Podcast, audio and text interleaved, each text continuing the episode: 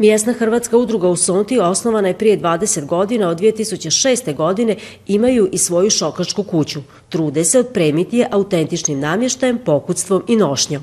U prednjoj ili kako bi u Sonti rekli ekstra sobi su i najstariji komadi namještaja, dva sanduka iz 1905. i 1910. godine. Ekstra soba šokačka, ekstra soba u koju nije se ulazilo samo da se pokaže kako je sredito i koliko, šta ima. Tu vam liko piše da vas ne lažem, 1905.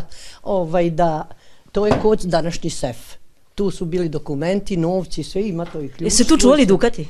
I to se čuvalo, da. A ovaj drugi sanduk, ovo je za narodnu nošnju, za skute, za sve tako, što god koja mlada žena ili starija ima, to se u taj sanduk zatvaralo. Nekadašnjih kuća nije bilo bez dunja koje su djevojke nekada nosile u miraz prilikom udaje, a to što mladenka nosi u novu kuću nekada se pokazivalo cijelom selu nosile su i onda taj dan, ne znam sad već tačno kako, uglavnom se stavi na kola krevet i dunje i jastuci i sve što je ta cura dobila, sadašnji miraz, ovaj, to se nosilo kroselo da malo narod vidi šta je ona dobila. U Sončanskim kućama još je sačuvanog starog namještaja, pokustva, nošnje, a namještaj iz jedne kuće stigao je u Šokačku kuću to je soba, e, pridnja soba, e, ekstra soba kako bi rekli sunčani, e, to ćemo mi sve u tu našu pridnju sobu odneto, to je spavača soba u stvari. Šifonjeri su iz prvo, prve polovine 20. stoljeća. Namještaj koji su dobili imaće svoje mjesto u Šokočkoj kući, dosta toga je već urađeno, ali članovi Šokadije imaju još planova i ideja. Gledate paletu. Izbor iz emisija na jezicima nacionalnih zajednica.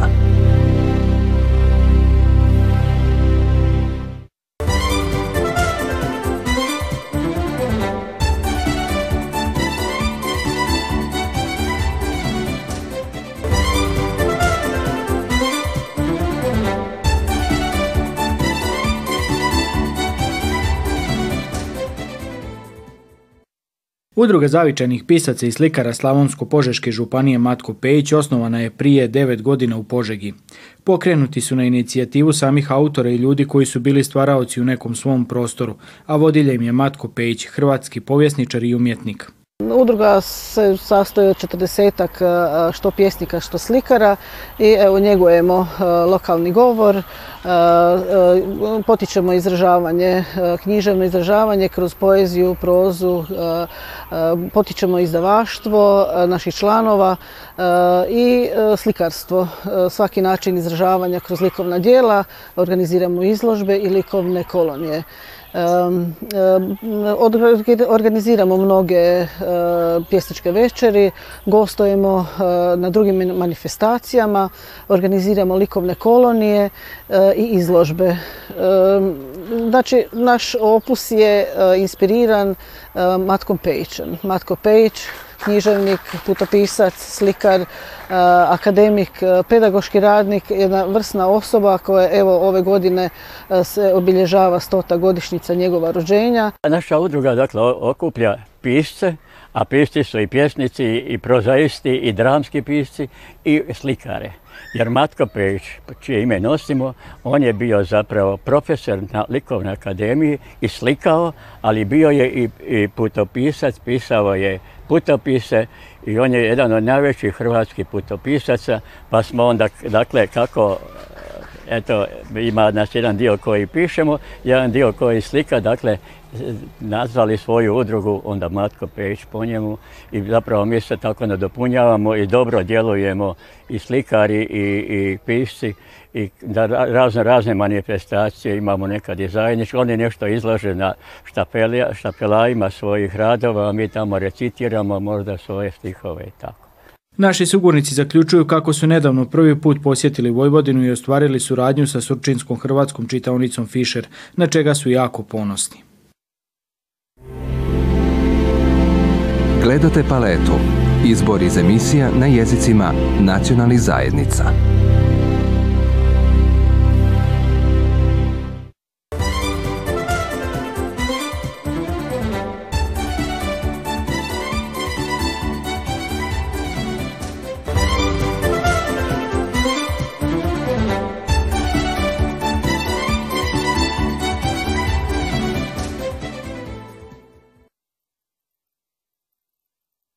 Mi smo na Onsalašu 2010. kad smo ga kupili, od njih e, renovirali smo ga možda dve godine, eto tad živimo na Salašu i otkako ja znam za sebe, uvijek sam imao i želju na tom salašu da živim i uvijek mi, znači poznavao sam salaš i komšije i uvijek mi se sviđao i salaš i lokacije i sve.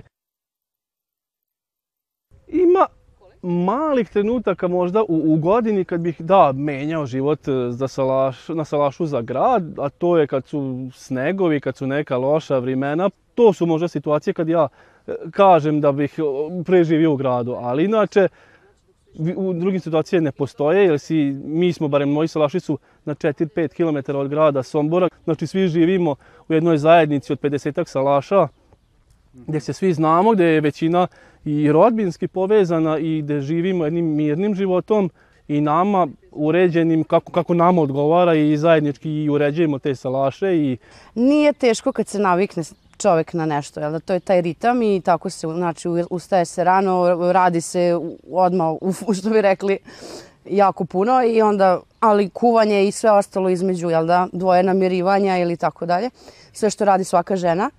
A kažem, nije teško i to se navikne. Pogotovo mi ovaj što smo od malih nogu na selašu, nama to nije tako strašno i strano, tako da... Kakav je život ovdje tebi? Pa volim, mhm. za gradom ne. E, više volim biti na selu. Mhm.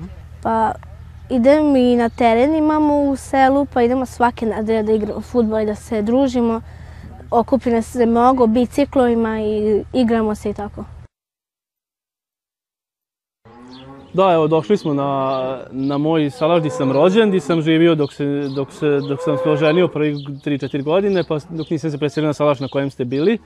E, ovdje sam znači, rođen, ovdje mi je obiteljska farma krava, isplativo jeste. Sad, e, mi uvijek to gledamo po težini posla, pa koliko nam je teško, onda toliko nam je neisplativo ili koliko nam je lako, toliko nam je isplativo. Uvijek je isplativo, pogotovo ako radiš, mora se isplatiti. Ima teški perioda, kao što je sad, gdje, je hrana skupa zbog, pretpostavljamo, korone, znači hrana je postala skupa i kukuruz i soja koja je duplo skuplja u odnosu na prošlu godinu. Mlečno gledarstvo planiramo da, da, da ugasimo u nekih 7-8, najviše 10 godina, gdje pređemo potpuno na to ovaj, bikova, koji je daleko lakši i trenutno možda isplativi posao, koji je tu bilo krize pre godinu dana i sa prodajom i sa cenom i sa, i sa svime. Ne bih menjala ovaj, zato što sam na ovo navikla i ovo mi odgovara. Život na Salašu je lip, ovo mi je ovako prostranstvo i više mi se dopada.